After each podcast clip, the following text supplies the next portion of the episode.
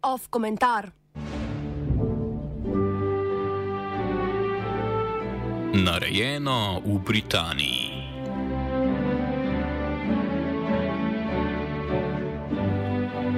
Medtem ko si je pri nas v nedeljo z rezultati prvega kroga predsedniških volitev politični boj vzel kratek odmor, se v Združenem kraljestvu srdito nadaljuje. Po kaotični vladavini in padcu Listras ter usponu še pred dobrim mesecem dni odpisanega Rišija Sunaka je svetu jasno, da je Združeno kraljestvo v hudih političnih škripcih. Nadaljne redne parlamentarne volitve so napovedane za leto 2024 in ker je znano, da se parlamentarni sistemi predčasnih volitev otepajo kot hudič križa, bo morala konzervativna stranka krmariti otoški narod še vsaj dve leti. V središču pozornosti tokratnega komentarja je nered, ki je sledil odstopu Borisa Johnsona z položaja britanskega premijeja.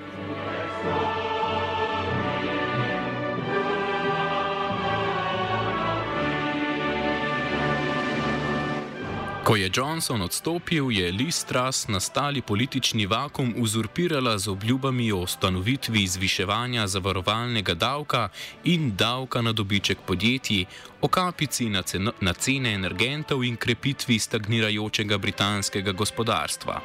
Prav tako se je Truss konzervativcem predstavila kot odlična alternativa Borisu Johnsonu, ne le kot ženska v politiki, temveč tudi kot nekdanja aktivistka proti monarhiji, ki se je tekom, ki se je tekom politične kariere streznila in ponotranila konzervativne vrednote, podobno kot legenda britanske politike Winston Churchill.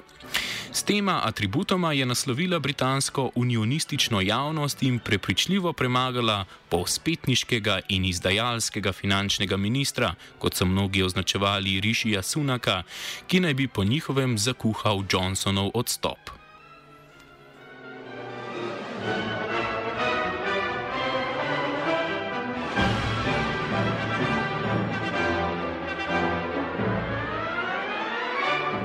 Predstavitvijo tako imenovanega mini budžeta, finančnega načrta Liz Truss in njenega finančnega ministra Kvazija Kvartenga, se je podpora premijeki sesula kot hiša iz kart.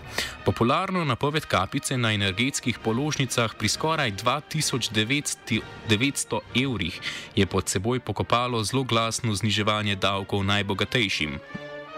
Napovedano zniževanje davkov bi bilo največje po letu 1972, ko je v času visokih življenjskih stroškov in gospodarske krize nizke davke in kasnejšo monetarno krizo sprožil takratni finančni minister Anthony Barber.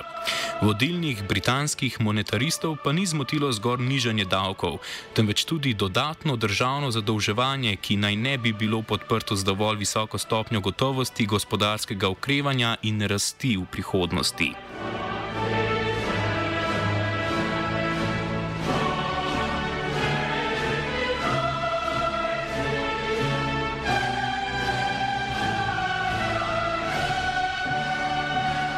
Odziv na vladni, zdaj že ironično poimenovani mini načrt je bil hiter in brezkompromisen. Britanski ekonomisti so zanikali možnost oživitve gospodarstva s 47 milijardami evrov nižjimi davčnimi prihodki. Sindikati in okoljevarstveniki so po protestu okoljskih aktivistov med trasinim govorom v Birminghamu postali znani kot koalicija proti državni rasti. Nov finančni načrt je kritizirala celo ameriška centralna banka, ob njega se je obregnil predsednik Joe Biden. Britanski funt je padel na najnižjo vrednost v primerjavi z ameriškim dolarjem, padla je cena britanskega zlata in donosnost britanskih državnih obveznic se je v štirih dneh povečala za več kot na letni ravni v zadnjih 23 letih. To pomeni njihovo nizko ceno in dolgoročno izgubo države. Verigo katastrofalnih posledic je naposled sklenila nezainteresiranost tujih investitorjev, kar pa je uničilo prvotni namen spodbuditve britanskega gospodarstva.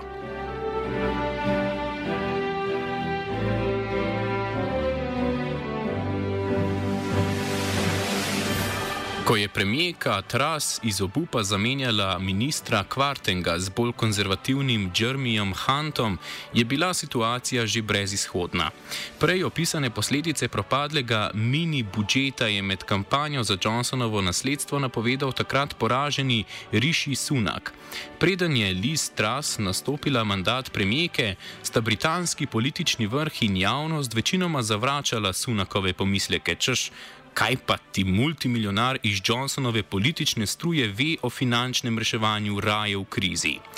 Hitra uresničitev Sunakovih napovedi in vladna nezmožnost pojasnitve tako hitrega razpada napovedanih ukrepov je Sunaka iz, iz političnega smetišča izstrelila med zvezde. Tako je dober mesec dni potem, ko smo bili Sunaka pripravljeni vsi pozabiti, Johnsonov finančni minister edini izbral potrebnih 100 konzervativnih poslanskih podpisov podpisov podpore za premijsko funkcijo, ki jo zdaj de facto že opravlja.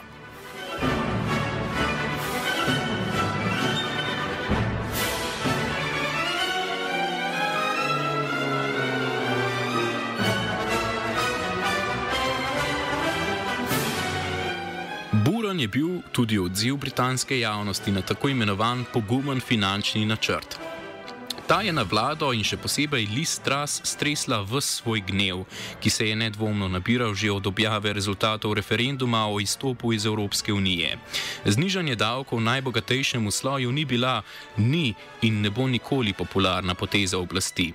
Medtem ko je ljudstvo lažje prepričevati o dolgoročnih prednostih takšne politike v času miru, blaginje in visoke gospodarske rasti, je to skoraj nemogoča naloga v obdobju svetovne recesije, ki izvira iz evropskega vojska vojaškega spopada.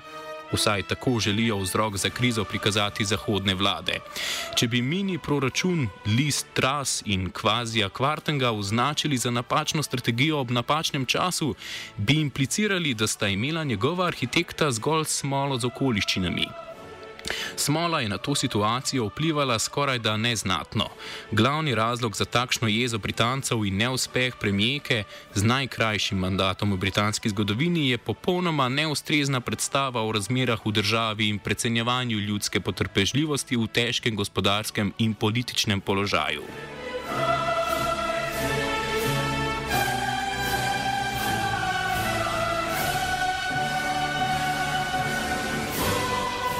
Novi britanski premijer Rishi Sunak je po dosedanji nepisni, nepisani konzervativni doktrini prava hodeča zbirka nasproti. Po eni strani je pripadnik druge generacije indijskih priseljencev, a se je gmotno dvignil precej više kot povprečen indijski britanec. Hkrati pa tudi zagovarja ideje in nazore, ki so historično pripadali izključno belski angliški populaciji a kot bogataš in poslovnež iz prestižnega londonskega Cityja dobro pozna obnašanje trga in njegove trenutne razmere.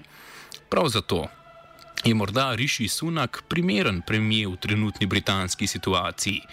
Če ne popolnoma primeren, pa vsaj primernejši kot vzhodna, predhodna nosilca vrhovne izvršilne funkcije.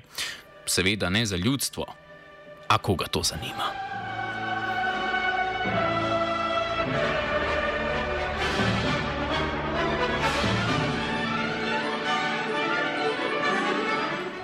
Ov komentar je pripravil Vito.